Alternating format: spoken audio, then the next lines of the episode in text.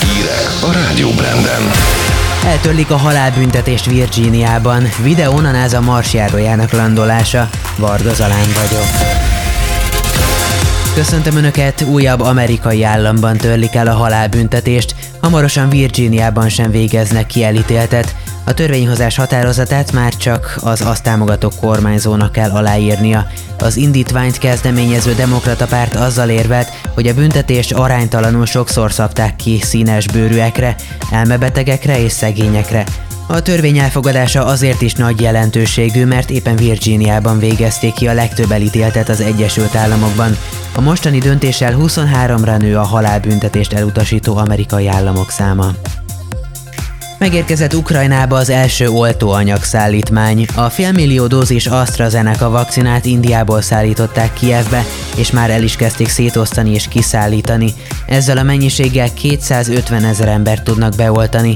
Az ukrán egészségügyi tárca hétfőn vette nyilvántartásba az AstraZeneca licensz alapján az indiai Covishield néven gyártott vakcinát.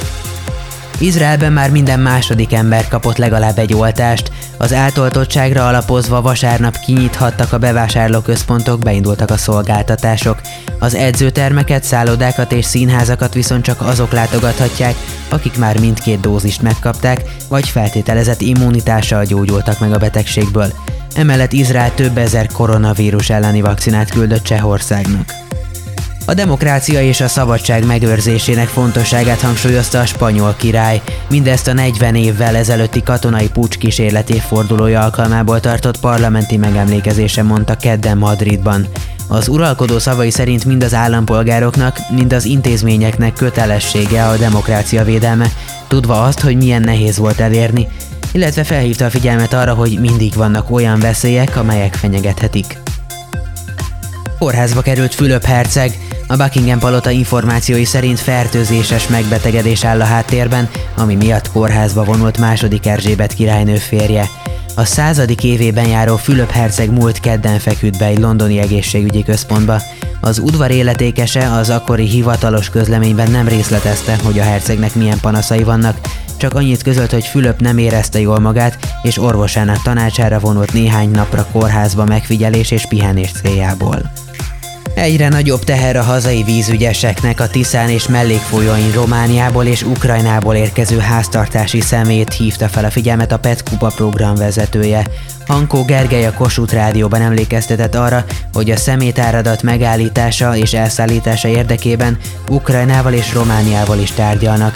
A legfontosabb azonban a szennyezés megelőzése lenne.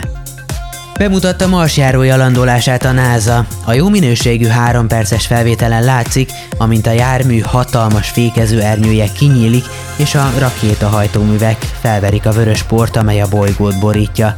A mikrofon nem működött tökéletesen, de felvette a jármű zajainak egy részét és a marsi szél zúgását is. Időjárás. Hát nem csak a Marson fúj a szél, ugyanis Európa több részén is megerősödő széllökésekre kell számítani, emellett továbbra is egy magas nyomású képződmény alakítja Európa legnagyobb részének időjárását, amelynek következtében zömmel nyugodt, eseménytelen időjárás tapasztalható, de több felé képződik köd, illetve réteg felhőzet is. Az Atlanti óceán és Skandinávia fölött egy-egy ciklon helyezkedik el, amelynek frontjai mentén erősen felhős borult az ég és a brit szigetek térségében eső, míg Skandináviában havazás fordul elő. Kontinensünk legnagyobb részén tavaszias hőmérsékletek jellemzőek, zord téli idő leginkább az Urál-hegység környezetében van, ahol napközben is többfelé mínusz 20 fok alatt marad a hőmérséklet, éjszaka pedig mínusz 30 fok alatti értékek fordulnak elő. A szerkesztőt Varga Zalánt és a Rádió Brand híreit hallották. Híreket hallottál. Itt a Rádió Branden.